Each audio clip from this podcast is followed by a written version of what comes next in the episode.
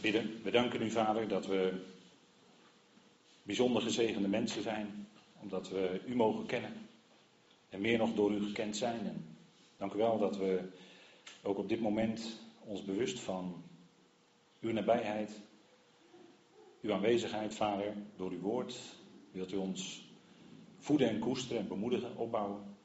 Vader, mogen de woorden ook zo vanmorgen zijn, dat ze zijn tot opbouw van ons geloof. En Vader, boven dat alles uit, tot eer van u. Vader, dank u wel dat dat leven van de apostel ook was tot eer van u.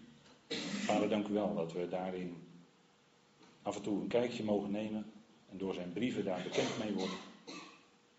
Vader, het is vaak zo anders dan, dan wij denken. Dank u wel voor die bijzondere genade die u ons geeft, dat we iets van dat geloof in ons hart hebben, waardoor we u beter leren kennen. Vader, dank u wel daarvoor en dank u wel dat u het zo wil uitwerken op dit moment, in de naam van uw geliefde zoon. Amen. De schat in aarden vaten, dat is wat uh, het eerste eigenlijk is dat gelezen is. Wij hebben deze schat in aarde vaten. En daar, dat is een, bijzondere, ja, een bijzonder iets wat Paulus zegt. In die tijd waarin Paulus leefde, en ook daarvoor, werden kostbare schatten vaak in dit soort kruiken opgeborgen en in de grond gestopt om het te kunnen bewaren. En dat is eigenlijk het beeld wat de apostel gebruikt om zijn eigen ervaringen aan ons bekend te maken in deze brief, deze bijzondere tweede Korinthebrief, waarin in dit stukje, dit zou je misschien als uh, een handvat kunnen gebruiken, dingen die met elkaar te maken hebben staan dan een beetje in structuur.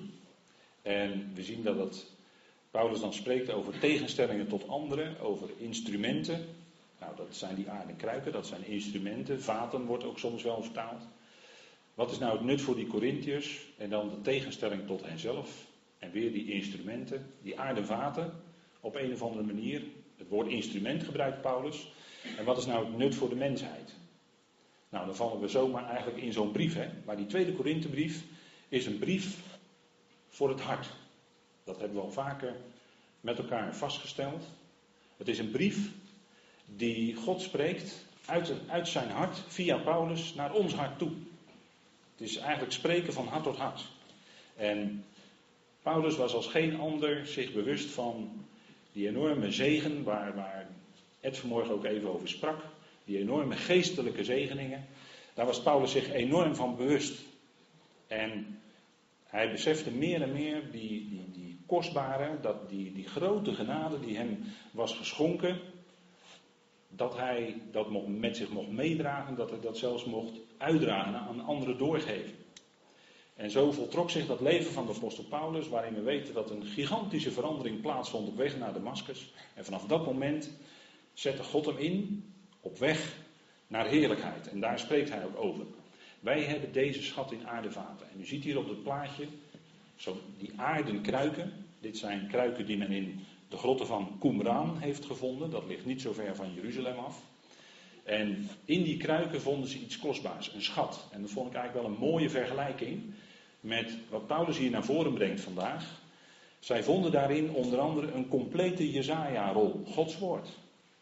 En wat bleek, en dat is de geweldige waarde, wat bleek dat Gods woord niet alleen ook op, dat, op die rollen zo goed bewaard was gebleven in die kruiken, maar dat ook de inhoud, de letters, hè, wat men uiterst nauwgezet is nagegaan, letter voor letter bleken gewoon vrijwel onaangetast bewaard te zijn in de loop van vele, vele honderden jaren.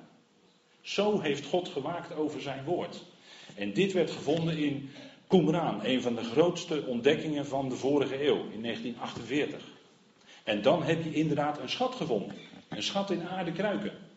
Prachtige vergelijking met Paulus' eigen leven, met ons leven, want het komt ook naar ons toe. En als je nadenkt over die schat, dan, dan is dat wat in Gods woord naar voren komt. Wat Hij spreekt. Dat is die schat. Dat woord van God. En Paulus, die mag die schatkisten, de schatkist van God openen Door de woorden die hij mocht spreken, door dat wat hij heeft opgeschreven in zijn brieven. En hier zien we natuurlijk zo'n letterlijke schat, waar veel mensen vandaag de dag naar op zoek zijn, naar op jacht zijn. Dan denken ze dat het letterlijke goud van deze wereld, dat dat het dan allemaal is. En als je het eenmaal hebt, dan ontdekken toch veel mensen, ja, is dat, is dat het nou? En dat is nou precies het verschil in de grote waarde van de schat die we door de apostel Paulus aangereikt krijgen, het evangelie van de heerlijkheid van Christus. Hebben we niet gelezen met elkaar, maar hij spreekt daar wel over in die eerste versen van dit hoofdstuk. wat is nou in jouw leven, wat is nou in uw en mijn leven belangrijk? Wat is nou echt van belang? Wat is nou echt wezenlijk? Wat blijft? Wat beklijft? Waar heb je wat aan, ook over een jaar? Geld? Geld, we kennen de inflatie toch? Vervliegt zo. En als je werkelijk veel geld bezit, dan kan het ineens vleugeltjes krijgen, zoals, zo spreekt de spreuken erover. Kan het ineens vleugels krijgen en als het ware van je wegvliegen. Het kan ineens ook weer verdampt zijn. Maar dit evangelie, deze schat, dit is wat God ons geeft en dit vergaat nooit. Dit is een schat die we, en als je als gelovig misschien al jaren op weg bent, die in je hart meedraagt. En waar je blij van wordt en waar je blij van blijft. En dat is niet een mooie slogan om te zeggen. Maar dat is echt werkelijk realiteit. Ook in de moeilijke omstandigheden in ons leven. Ook daarin hebben we deze schat. En dat ervoer Paulus in zijn leven. Het evangelie van de heerlijkheid van Christus. We hebben net Pasen gehad. En we zijn het misschien door alle beslommeringen alweer bijna vergeten. Dat het Pasen is geweest. Maar het geweldige van Pasen is natuurlijk dat de Heer is opgewekt uit de dood. En daar leven we bij. Dat is ons leven. Dat is wat God in ons heeft gelegd. Dat is geloof in ons hart. Dat is wat, je leven, wat in je leven zich uitwerkt in een verandering. Het evangelie van de heerlijkheid van Christus had in Paulus' leven een enorme verandering gebracht. Zijn leven was zo radicaal veranderd. En God deed dat heel, met een hele opvallende gebeurtenis op weg naar Damascus. En bij u misschien heel stilletjes, in stilte, toen u het evangelie hoorde, zei u heel stilletjes in uw hart, ja Heer, dank u wel. En God gaf op dat moment dat geloof in uw hart. Die schat. En langzaam maar zeker ga je dan in je leven die schatkist, die schat als het ware uitpakken. Je gaat steeds meer leren kennen van die werkelijke waarde die het heeft. En naarmate je er dus langer mee bezig bent, wordt die waarde steeds groter. En dat, dat is van dit, dit woord van God, hè, waarvan de apostel Petrus al zegt dat het het onvergankelijke woord van God is. Dat is wat in je hart gezaaid is en wat niet bederft. Wat niet vergaat. En, en eh, de weg die de Heer ons wijst is natuurlijk al in, in Matthäus 6. Hè? En daar zei hij het tegen zijn volk. Maar wij kunnen dat meenemen als voorbeeld voor ons. Hè? Verzamel je geen schatten op deze aarde. Want uh, ja, als je allerlei bezit verzamelt, binnen de kortste keren vergaat het ook weer. En dan heeft hij over mot en over roest en, en dat soort zaken allemaal verderf. Kan zomaar intreden. Maar dit evangelie, dit goede nieuws van de heerlijkheid van Christus, dit is wat blijft. Dit is wat niet in je, wat niet kapot te krijgen is. Ook al zijn de uiterlijke omstandigheden nog zo moeilijk.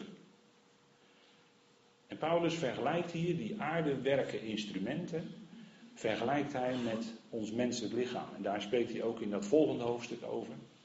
Als hij spreekt over dat gebouw uit God, hè, dat, dat veranderde lichaam wat we in de toekomst zullen ontvangen. Maar onze lichamen, ons leven, ons lichaam is een aardewerkend instrument. En God gebruikte dat zwakke instrument, dat broze, want zo'n aardewerk, kruik, ja, dat is maar broos, je kan het zo kapot slaan. En dat, dat kan ook door het leven gebeuren. Dan merk je dat, dat, dat, dat, dat je lichaam in verval is. En, en daar waar je onder druk komt te staan, en misschien wel langere tijd onder druk zoals Paulus dat was, dan kan het zijn dat je de broosheid van je lichaam ook kan ervaren, dat je daar lichamelijke klachten van krijgt. Omdat je onder grote druk staat, voortdurend. En dat was bij de apostel Paulus ook het geval. En, en wonderlijk genoeg was op het laatst in zijn leven was, waren er nog maar heel weinigen bij hem. En onder andere een arts. En daar had de Heer in voorzien. Een arts Lucas, die was nog bij hem. Daar spreekt hij over. En dat had natuurlijk te maken met de zwakheid van dat aardewerken instrument. Hè? Het is een instrument. Zo'n kruik kun je gebruiken om iets in te doen. En, en God heeft ook in ons leven, in ons hart, er iets ingedaan, er iets ingeplaatst. vaak werden deze kruiken ook, kruiken werden gebruikt om water in te vervoeren, werden ze gevuld met water. Nou, zo is het ook met ons. Wij worden gevuld met het water van het woord van God, het levende water. En is dat nou dat water wat dan ook doorstroomt in ons leven, hè? want die Qumran-rollen zijn vlakbij de Dode Zee. Nou, de Dode Zee, de, de naam zegt het al, hè? Daar is geen leven in. Als je daar geweest bent, dan heb je dat ook kunnen constateren met je ogen, met je voeten en met je handen. Er is geen leven in, dood. Dat komt omdat het stilstaand water is. En levend water is stromend water. En de Heer heeft er iets van gezegd. Als Hij dat levende water in ons hart geeft, dan gaat het van binnenuit ook stromen naar die ander toe. Dan is het levend. En zo gebruikt hij Paulus als instrument in zijn hand om, om datgene door te geven wat, ja, wat die werkelijke geweldige schat inhoudt. En dat is iets wat je niet kunt zien. Het is niet zo'n kist waarin je letterlijk die gouden munten kan halen. Je kan het niet pakken met je handjes, maar je ervaart het wel in je leven. En in je leven wordt het heel concreet. In je leven kun je misschien als gelovige zeggen: Ja, ik, eh, ik kies er vandaag voor om dit of dat te doen. En uit wat dan gezegd wordt blijkt, nou, dan kun je zeggen, nou oké, die gelovige gaat de goede kant op. Dat is wat de Heer wil. Maar die keuze is bepaald door geloof in het hart. En dat, is, dat heeft ook te maken met die schat. Hè? Dat is ook een deel van die schat die God in ons geeft, dat geloof. In Christus, die het beeld is van God. En als je aan een mens vraagt, welk beeld heb jij nou eigenlijk van God? Nou, dan krijg je allerlei antwoorden. En, en mensen die uh, misschien een achtergrond hebben van een, zware traditie, die zeggen dat, dat God is een verterend vuur. God uh, gaat het oordeel brengen. En of ik er later bij zal zijn, ik weet het niet. Dan heb je mensen die hun hele leven twijfelen of ze wel bij de schapen zullen horen. Maar het kan ook best zijn dat ze op het laatst toch nog bij de bokken horen. Dan horen ze er nooit meer bij. Zo, als je zo'n beeld hebt van God, dat is totaal anders dan wat de schrift, dat de Bijbel laat zien. Welk beeld heb je nou van God? En dat beeld van God, als je dat leert kennen, dat het gaat reflecteren in je leven. dan heb je zo'n prisma waarin het licht afgebogen wordt, maar dan gaat zo'n lichtbundel in. En daar, komt dan, daar komen dan ineens allerlei kleuren uit naar voren. Dan werkt God met zijn licht, met zijn woord in jouw leven. En dan ontdek je ook, hé, hey, nu krijgt mijn leven pas kleur. Nu krijgt mijn leven, mijn innerlijk pas kleur. Nu ga ik het pas merken. Wat het betekent om God te kennen. Dat kan misschien wel pas na jaren zijn als je misschien als gelovige bent. Het heeft nog niet zo heel veel voor je betekend. Maar ineens kan er iets gebeuren waarin je als het ware met een enorme klap wordt stilgezet. En vanaf dat moment je ineens wel gaat beseffen wat het betekent. En dan krijgt dat woord in je, die, dat licht, krijgt ineens wel kleur. Die kleuren die God dan geeft in je leven, zijn die kleuren van wie hij zelf is. En dat reflecteerde zo in Paulus' leven. Paulus had moeite met die Corinthiërs. U kent die moeizame relatie wel die Paulus had met die gemeente. En in, juist in deze brief laat hij zo enorm zien die geweldige kleuring van de liefde van God richting die Corinthiërs. Hij had ook kunnen zeggen, nou die Corinthiërs zijn het helemaal niet met me eens. En uh, ik wil ook niet meer met ze te maken hebben. Ik ga wel naar andere gemeentes toe. Dat deed hij niet. Hij stuurde twee hele lange brieven naar die Corinthiërs toe. En daardoorheen lees je eigenlijk, en vooral in deze brief, lees je eigenlijk dat, dat verzoenende hart van God. Zo reflecteerde dat in Paulus' leven naar die gemeente van Korinthe toe, naar die anderen toe. Hij schoof ze niet weg. Maar hij zocht ze op. En zocht allerlei mogelijkheden om toch met ze in contact te zijn. En hij stuurde ze brieven waarin hij laat zien: Corinthiërs, ik heb jullie lief. Hij was daar geweest anderhalf jaar lang in die gemeente in Korinthe. Hij had daar die gemeente gebouwd, gesticht. Uh, hoe je het ook maar wil zeggen. Er, was veel, er waren veel mensen in die stad die tot geloof kwamen. Maar die relatie was daarna altijd moeizaam. Omdat ze Paulus vaak misschien niet zo helemaal begrepen in zijn in zijn motieven. Waarom die dingen deed. Waarom die dingen liet. Maar het was liefde, de diepste drijfveer van Paulus was de liefde van God. En dat is ook het juiste beeld van God. God is liefde. Dwars door alles heen zal hij uiteindelijk met een ieder tot zijn doel gaan komen. Dat is het juiste beeld van God. God is de redder van alle mensen. Inzonderheid van de gelovigen. Nou, dat is ook Gods heerlijkheid. En zo reflecteerde dat in Paulus' leven naar die ander toe. Die ander die zich vijandig tegen hem opstelde. En zo kon Paulus vanuit dat evangelie, vanuit het besef wie God is, kon God van binnenuit, kon, kon God door Paulus, hè, Paulus van binnenuit, die Corinthiërs liefhebben. En dan zeg je van ja, dat is bovenmenselijk. Dat is inderdaad ook bovenmenselijk. Dat is niet van jezelf. Dat komt uit die schat voort die God in je heeft gelegd. En, en eh, ja, sommigen die, die komen er maar niet toe om, om die schat nou voldoende uit die schatkist te halen. die God in je hart heeft gelegd.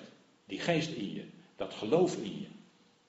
Allemaal van God ontvangen. Wat een genade. als we het hebben over geestelijke zegeningen, dan zijn dat geestelijke zegeningen. Zijn geest in je. Het geloof in je. En al wat God heeft gedaan door zijn zoon. Door die wereld die zo vijandig was, zo lief te hebben door zijn zoon te geven. Kijk, dat is het beeld van God. En dat is wat de mens kan horen. En ook al wil je misschien er niet naar luisteren, misschien teleurstellende ervaring met mensen die het niet horen willen, had Paulus ook met die Corinthiërs. En toch bleef hij doorgaan. Wat was nou die kracht? Daar spreekt Paulus over in dit hoofdstuk. Paulus predikte namelijk niet zichzelf. Hij predikte niet zichzelf. Dat was zijn grondhouding. Dat was zijn, ja, dat zeggen wij dan met een woord gezindheid. Dat is misschien een woord wat je bijna niet meer kent of herkent. Maar zijn grondhouding was er een van zich niet verheffen boven de ander. Nee, integendeel. Die anderen willen dienen. Dat was, daarin reflecteerde Paulus het beeld van God. Daarin liet Paulus zien wie zijn Heer is die alleen maar wilde dienen. Het gaat in dit stukje over het leven van Jezus. Maar hij predikte Christus Jezus als Heer. Daar gaat het om. Die verheerlijkt, hè? Je leeft wat in je hart is, hè? Waar het hart vol van is. Nou, dat begint met die mond, hè? Daar spreekt de mond van, daar loopt de mond van over. En, en wat in je hart is, dat blijkt ook in je leven. En, en vervolgens, ja, wat is dan belangrijk voor je? Wat is belangrijk voor je? Paulus wijst ons de weg. Hè? Paulus wijst ons op Christus Jezus, de Heer. Die is voor ons als gelovigen in feite de belangrijkste in ons leven. En, en het duurt soms heel lang voordat we dat ook wat gaan erkennen in ons leven als gelovigen. En dat was ook bij de Corinthiërs zo. Ze erkenden hem niet als Heer en daarom erkenden ze Paulus ook niet als apostel. Want die andere apostelen die konden ook het heel goed zeggen in de ogen van de Corinthiërs. En Paulus was geen beste spreker. En hè, Paulus eh, die bad de Heer drie keer of die die doorn in het vlees zou wegnemen. De Heer deed het niet. Moeilijke omstandigheden. De Heer verandert ze niet. Maar in die omstandigheden getuigt Paulus van een enorme kracht. Ons lichaam is zwak, broos, breekbaar. Een aarden kruik. Het kan zomaar gebeurd zijn met de mens. Dan zie je hoe broos een mensenleven is. Als die kruiken, die zomaar kunnen breken. En in die kruiken van ons heeft God gelegd een onbreekbaar evangelie. Dat is niet te verbreken. Dat vergaat niet. Die kruiken wel. Dat is aardewerk. De mens is ook genomen uit de bovenste laag van de aarde. Maar God geeft je vermogen. Hè? Wij zeggen in, ons, in het dagelijks leven zeggen ook wel, als je veel geld hebt, dan heb je een vermogen. Daar kun je iets mee. En, en we zingen er soms van, hè, ik vermag alle dingen in hem die me kracht geeft. En vaak denk ik dat we dat soms, of nou vaak, maar soms denk ik dat we dat gedachteloos zingen. Althans, ik betrap mezelf er wel eens op. Joh, wat zing je nou? Nou, ik vermag alle dingen in hem, in Christus, die mij kracht geeft. Dat is de kracht waaruit ik kan leven. Ook al zijn je omstandigheden ontzettend moeilijk. Of zie je het bij gelegenheid misschien helemaal niet meer zitten. Maar hij ziet het wel met jou zitten. Met u, met mij. Altijd. En, en dat is wat Paulus doet. Hè? Hij richt je op God. Waar komt nou je kracht vandaan? Paulus richt ons op die God die dat al, geeft. In plaats van op jezelf. Dat, dat is ook het goede nieuws. Hè? Het goede nieuws, ja, daarvan, als je goed nieuws wil brengen, dan is er heel veel te vertellen over God en zijn zoon. Dat, dat is goed nieuws. Daar kun je heel veel goed nieuws over brengen. En dat is wat je richt op hem. Maar ons lichaam is zwak. Wij zijn broos, breekbaar. En dat merken we vooral als we ouder worden. En daarin wordt het steeds duidelijker dat, ja, wij, dat het uiteindelijk gaat om Hem. Hè? En als God niet die opstandingskracht zou geven. Nou, wat denk je van Paulus? Hè? Een, een, een, een, leven. Hè? Het had het vanmorgen over zegen. Nou, zegen is niet dat je materieel gezegend wordt in je leven. Zegen is ook niet dat je gezondheid hebt. Zegen is ook niet dat je leventje altijd voor de wind gaat. Nee, wat is nou jouw zegen? Dat is dat je die kracht van Christus kent in je leven. Want kijk eens naar de apostel Paulus. soms wordt het ook door, door andere gelovigen gezegd van, nou als je eenmaal gelooft dan zal je succes hebben, dan zal alles voor de wind gaan, dan gaat alles goed. u kent dat wel, hè, dat succesevangelie of dat welvaartsevangelie noemen we dat dan. Maar is dat nou zo als je naar Paulus kijkt? Ik denk, als je, naar Paulus, als je dit hoofdstuk alleen al leest van Paulus, dan haalt hij door die gedachte een hele dikke streep. Want wat overkwam hem? Hij werd verdrukt. Hij stond voortdurend onder grote druk. En, en, en als gelovige ga je ontdekken dat, dat men niet altijd op je zit te wachten met je geloof. En dan word je misschien wel daar, daarom om die reden onder druk gezet. En toch zegt hij, maar niet benauwd. Niet zo benauwd van binnen gemaakt dat het niet meer ging. Zover ging het niet. Want de kracht van Christus werkte in hem. Die schat, die hij had in dat aardevat. Soms was die in verlegenheid. Het Engels gebruikt dan het woord perplex. En, en dat woord heeft eigenlijk te maken met dat je, dat je staat en je wil eigenlijk vooruit gaan, maar je kan niet meer vooruit, je kan niet meer gaan. En je kan ook niet meer terug. Maar hij zegt, maar ik ben niet wanhopig. Ook al heb ik een moment dat ik misschien in mijn leven heb dat ik helemaal vastzit. Maar ik ben niet wanhopig. Het was niet zo erg dat hij helemaal niet meer kon gaan. Waarom niet? Omdat hij Heer kende. Hem kracht gaf in moeilijke omstandigheden. Die hem kracht gaf toen hij tegenwind had van die Corinthiërs. Dat ze hem tegenwerkten. Dat het, dat het helemaal niet voor de wind ging. Integendeel, dat hij hele harde tegenwind ervoer in zijn leven. En dat ervaart u misschien ook wel. En dat heeft misschien wel te maken met die schat die u van binnen heeft in, in dat aardevat, in dat broze lichaam. Dat geloof wat God geschonken heeft. En misschien is het wel zo dat je daardoor nog meer druk en lijden ondervindt dan anderen. Dat zou best kunnen. Paulus noemt nog iets, hè? Hij heeft het over vervolgd zijn en hij werd tot en met vervolgd. Hier, deze plaatjes die laten zien toen hij bij Lystra was, waarover u kunt lezen in Handelingen 14, waarin hij letterlijk gestenigd werd. Het kan best zijn dat je op een geestelijke stenen naar je hoofd krijgt, omdat wat je, wat je gelooft. En dat je daar iets over vertelt bij gelegenheid. Ik wil helemaal niet zeggen dat. En misschien is er dan net die ene die wel gehoor geeft aan wat je te zeggen hebt. Hij was vervolgd, maar niet verlaten. Want wie was bij hem? De Heer was bij hem. En dat is wat hij getuigt. Hè? De Heer heeft mij in alle verdrukkingen nabij gestaan. Als hij zijn laatste brief.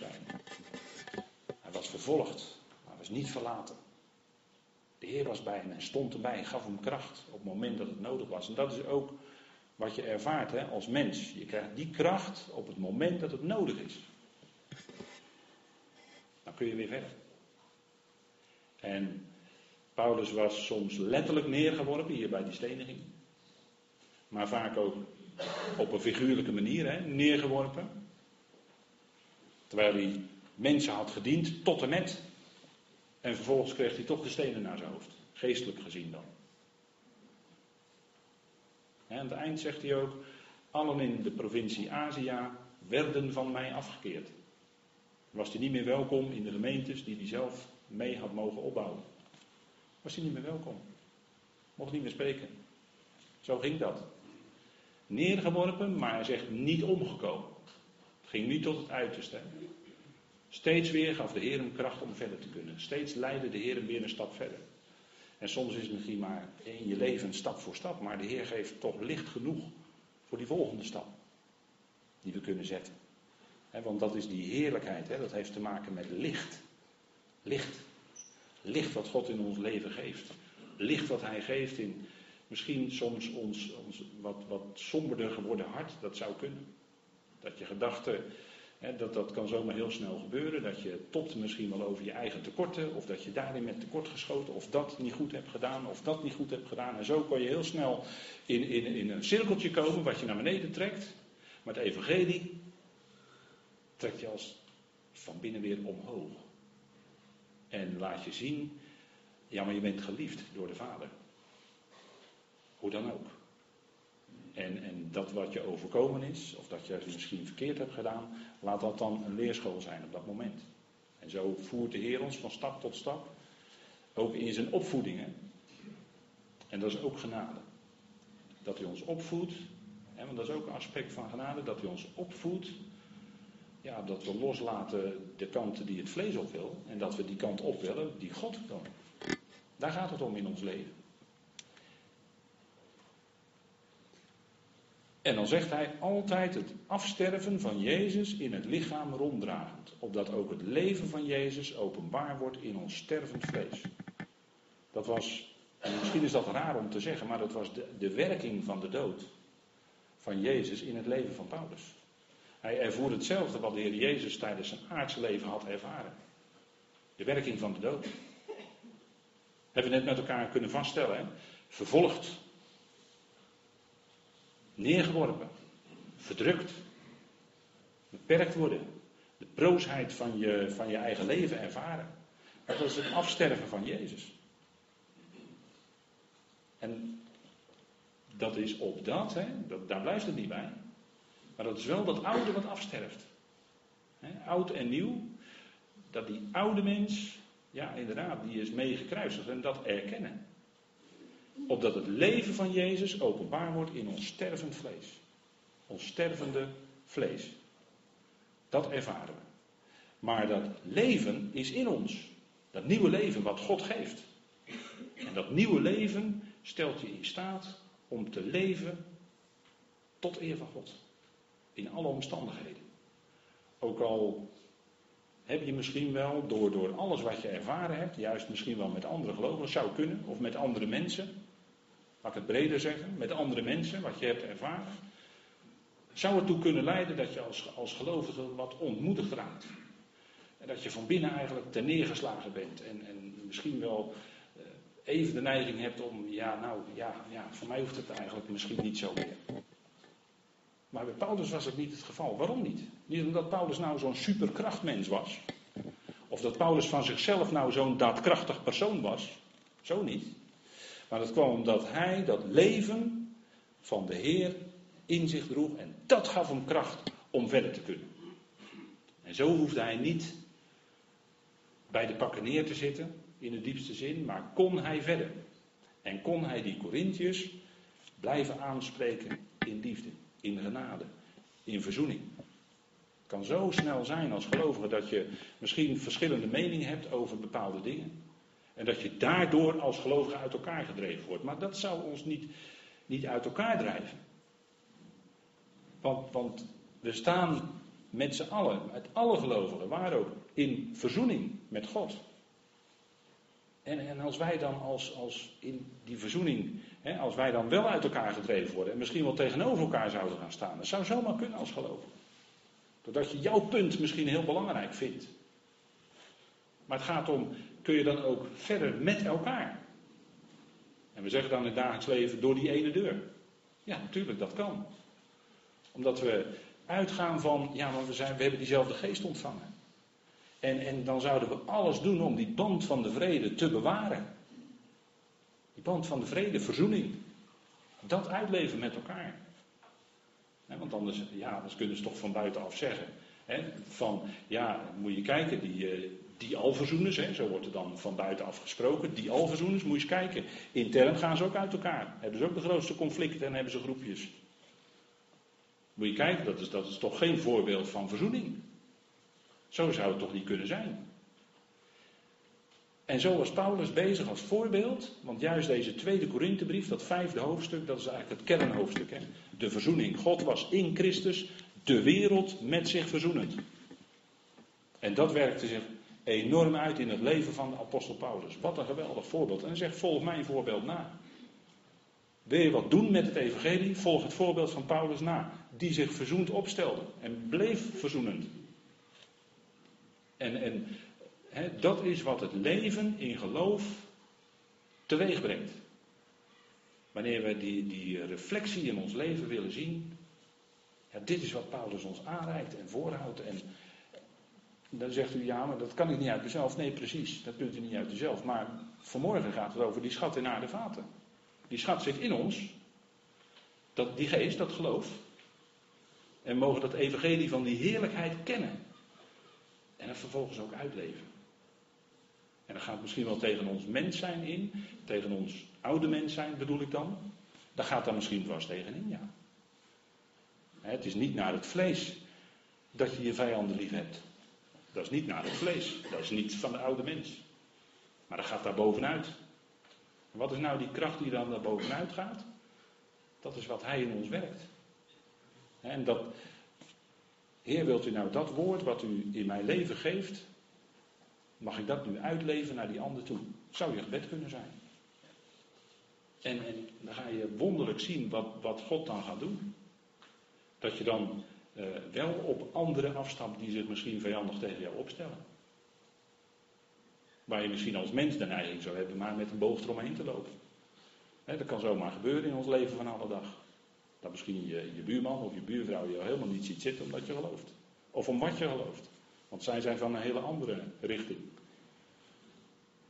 Kan, maar die boodschap van verzoening, ja, dat geldt voor. Dat is eigenlijk heel makkelijk, hè? God was in Christus de wereld verzoenen, dus de hele wereld. Is heel makkelijk. Is niemand uitgezonderd.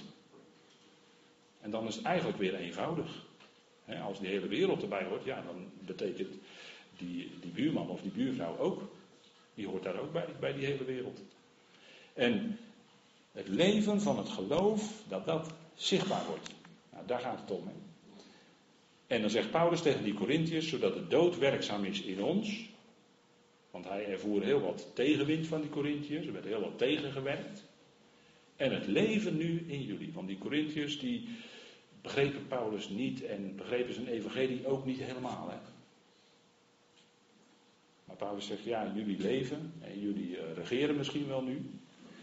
Maar hij bedoelde dat op een bepaalde manier. Hè. Maar hij hield ze wel voor dat leven van de opstanding. 1 Korinthe 15, een heel lang hoofdstuk spreekt hij over de opstanding. En dat deed hij juist bij die Corinthiërs, zodat zij ook iets van die opstandingskracht in hun leven zouden gaan ervaren. Dat zouden ook daarna zouden gaan leven. De geest van het geloof.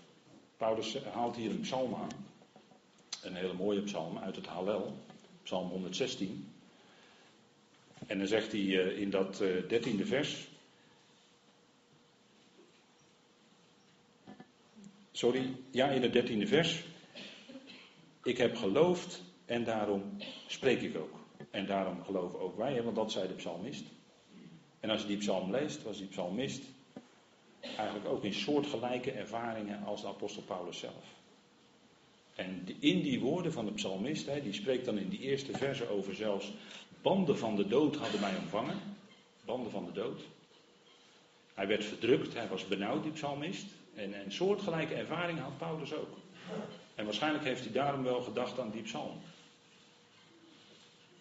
Maar die psalmist die kwam ook tot die verlossing. Ik geloof en daarom spreek ik ook. En dat was bij Paulus ook zo. Ik geloof dat woord van God, dat evangelie, en daarom spreek ik ook.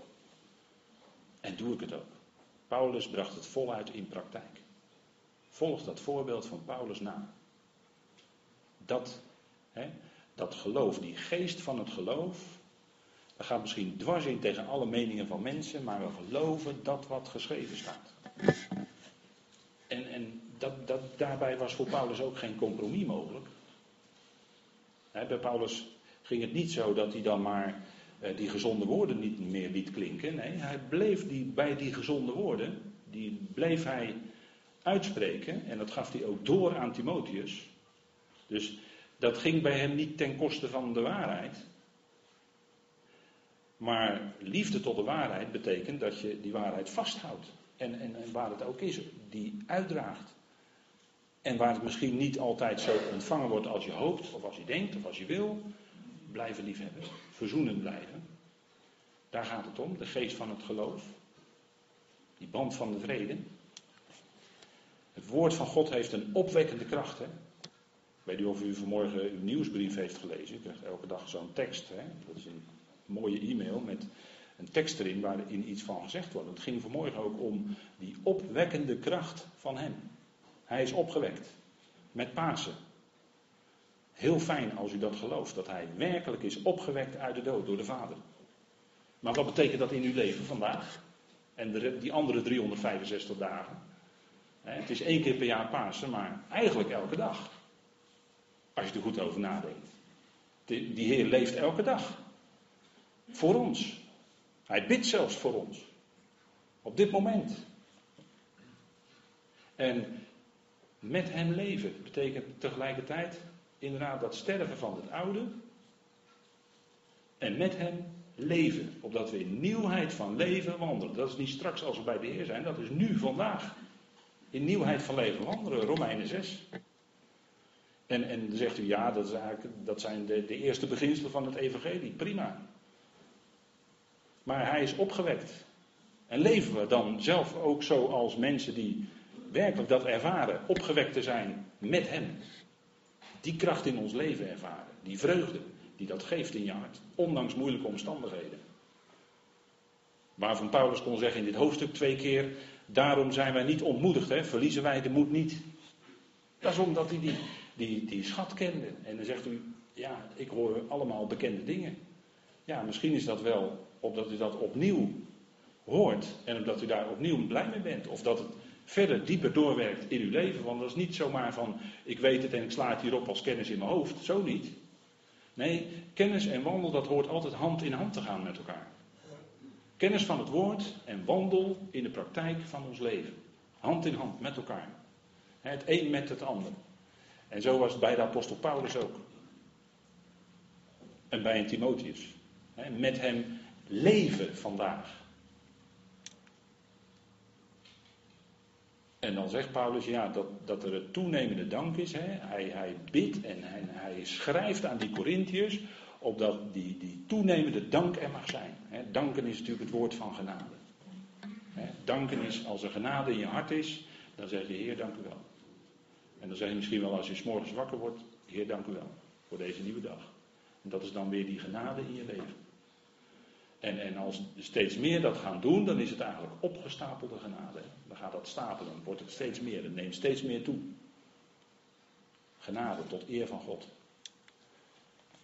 En daarom zegt hij, wij verliezen de moed niet. Hoe kon Paulus nou doorgaan, ondanks alle tegenslag, ondanks alle tegenwind, ondanks alles, alles, alles wat maar tegen zat. En mensen gesproken hadden misschien al andere mensen het bijltje bij neergegooid. Waarom kon hij dat? Wat is dat nou in ons? Nou, dat hebben we in dit hoofdstuk, kun je dat zo teruglezen. Dat is die geest van het geloof in ons. Wat zich uitwerkt. Dag aan dag. En, en dan is het leven goed, hè. En, en Paulus die zegt, ja, hij wijst op die schat. Hè. We hebben eigenlijk, in de diepste zin had Paulus ook geen reden om ten diepste echt ontmoedigd te zijn. Was die ook niet. En, en eigenlijk zegt hij, dat kon ook niet. Want hij zegt, ja, die kortstondige, lichte verdrukkingen. Wat zeg je, Paulus? Kortstondige, lichte verdrukkingen. Maar jij hebt wat meegemaakt. Daar kunnen wij never nooit aan tippen in ons leven. En toch noemt Paulus dat kortstondige en lichte verdrukkingen. Voor een kort seizoen. En waar keek Paulus dan naar? Dan keek hij aan de ene kant keek hij terug naar het volbrachte werk van zijn Heer. En aan de andere kant keek hij ook vooruit. Naar die heerlijkheid die zou komen. Die heerlijkheid die wacht. En daarom zou je kunnen zeggen dat Paulus er steeds voor koos om de richting van de Heer aan te gaan, om aan de hand van de Heer te gaan. En er was iemand in het verleden bij het volk Israël die ook, zo'n, die ook duidelijk maakte wat, wat hij op dat moment toch prefereerde boven de weg van de zonde. Hij had aan het hof van de farao kunnen blijven. En dan staat er dat hij dan misschien een ogenblik in zijn leven, en de Bijbel noemt het dan een ogenblik, maar dat zou misschien dan nog 60, 70 jaar zijn, dat hij van de zonde zou genieten. Maar hij koos ervoor om kwaad te lijden met het volk van God. Dat was Mozes. Hij prefereerde op dat moment de smaadheid van Christus. Heel raar hè, dat dat er zo staat. Hij prefereerde de smaadheid van Christus ten opzichte van een, kortstondig leven in zonde. En als eenmaal zonde vat krijgt op je leven, dan gaat het heel snel stapelen. Dat gaat heel snel maar Paulus houdt ons voor dat we niet zouden leven in de zonde, maar dat we ons bewust zijn, rekenen dood te zijn voor die zonde. En dan komt de beproeving en de verleiding op je af en dan kun je van binnen bidden, Heer, ja, maar daar ben ik dood voor. Daar wil ik niks mee te maken hebben. En volstrekt negeren, dat vlees. Dat is de enige manier. Volstrekt, maar dan ook volstrekt negeren. Mozes prefereerde het om liever kwaad te verdragen de kwaad te hebben, samen kwaad te hebben, staat er heel letterlijk, met het volk van God, dan een ogenblik van de zonde te genieten. En op die manier kan je Mozes ook nog als voorbeeld nemen. En waar keek Paulus naar? Hij keek naar dat eonische gewicht van heerlijkheid, wat nu nog onzichtbaar is, maar wij kijken naar wat we niet zien. Wij kijken naar wat we niet zien. En dat is dat eonische gewicht van heerlijkheid. Dat is zo onvoorstelbaar groot. Paulus schiet eigenlijk woorden tekort. Hij gebruikt allemaal, op zijn Nederlands gezegd, bijvoeglijke naamwoorden. Die stapelt hij op. Als hij het heeft, als hij denkt aan die heerlijkheid die, die wacht, hè, die komt. En dan gebruikt hij twee keer het woord bovenmate. Hè, bovenmate, bovenmate. Die heerlijkheid die gaat komen. Ja, dat is zo geweldig. En daarvan, hij had de verheerlijkte Heer gezien. Maar die heerlijkheid was zo geweldig en dat gaf hem ook kracht om door te kunnen gaan. In lijden, in verdrukkingen, in moeite. Kon hij dat in zijn leven accepteren. En ik besef dat ik dat nu even heel snel zo zeg. Maar dat kan soms een hele moeizame weg zijn in ons leven. Van jarenlang, van pijn, van moeite, van verdriet. Dat is niet makkelijk. Maar in die omstandigheden heb je wel de kracht. Als je iets van die schat gaat leren kennen in je aarde valt. Dat geloof wat in je heeft gegeven. En dat kan nog wel eens veel meer zijn dan je nu vermoedt. Maar ga daar maar op leven. En, en dat woord beleven. Amen. Zullen wij de Heer danken. Vader, we danken u dat we een ogenblik stil konden staan bij dat wat u in ons geeft, die schat in dat aardevat. Vader, dank u wel voor voorbeelden uit uw woord die we mogen navolgen. Vader, de weg die Paulus wijst is die weg van heerlijkheid, op u gericht leven. Verzoenend leven, wat zo genezend is voor je hart. Vader, die vrede als band ervaren, hebben. Vader, daarnaar, op zoek zijn, steeds weer. Vader, dank u wel dat u ons aanzet in ons leven. Als we beseffen dat we inderdaad die, die werking van de dood ervaren. In allerlei omstandigheden. Maar dank u wel voor dat leven wat u in ons geeft. Vader, dat leven met een hoofdletter. Wat u geeft in ons leven. U bent het Vader die ons brengt tot heerlijkheid uiteindelijk. Dat staat vast. En op weg daar naartoe, Vader, gaat u met ons mee door alle ervaringen in ons leven. U bent nabij. U bent nooit ver weg. We kunnen u elke minuut van de dag aanroepen. Abba, vader. Als misschien woorden in ons hart stokken, dan kunnen we tegen u zeggen: Abba, vader. Vader weet ervan. En vader zal het uitwerken. Tot het goede. Vader, dank u wel dat u zo met ons op weg bent naar heerlijkheid. Vader, een heerlijkheid die zo onvoorstelbaar groot is. We danken u daarvoor. Dat we die beloften hebben. Vader, dank u voor die geest van het geloof in ons hart en leven. Vader, mag zich dat uitwerken. Tot lof en eer van uw naam, Heer. We danken u daarvoor. Danken u zo dat u dit moment wilt geven in genade. Vader, we zijn ons bewust dat dat een bijzondere zegen is die u geeft. Die rijkdom van genade. Vader, we danken u daarvoor. Dat uw zoon, die zo rijk was, arm werd voor ons, om ons rijk te maken. Vader, wat bijzonder. We danken u voor hem en voor wie u bent in ons leven, ook in de komende week. We danken u daarvoor in zijn naam. Amen.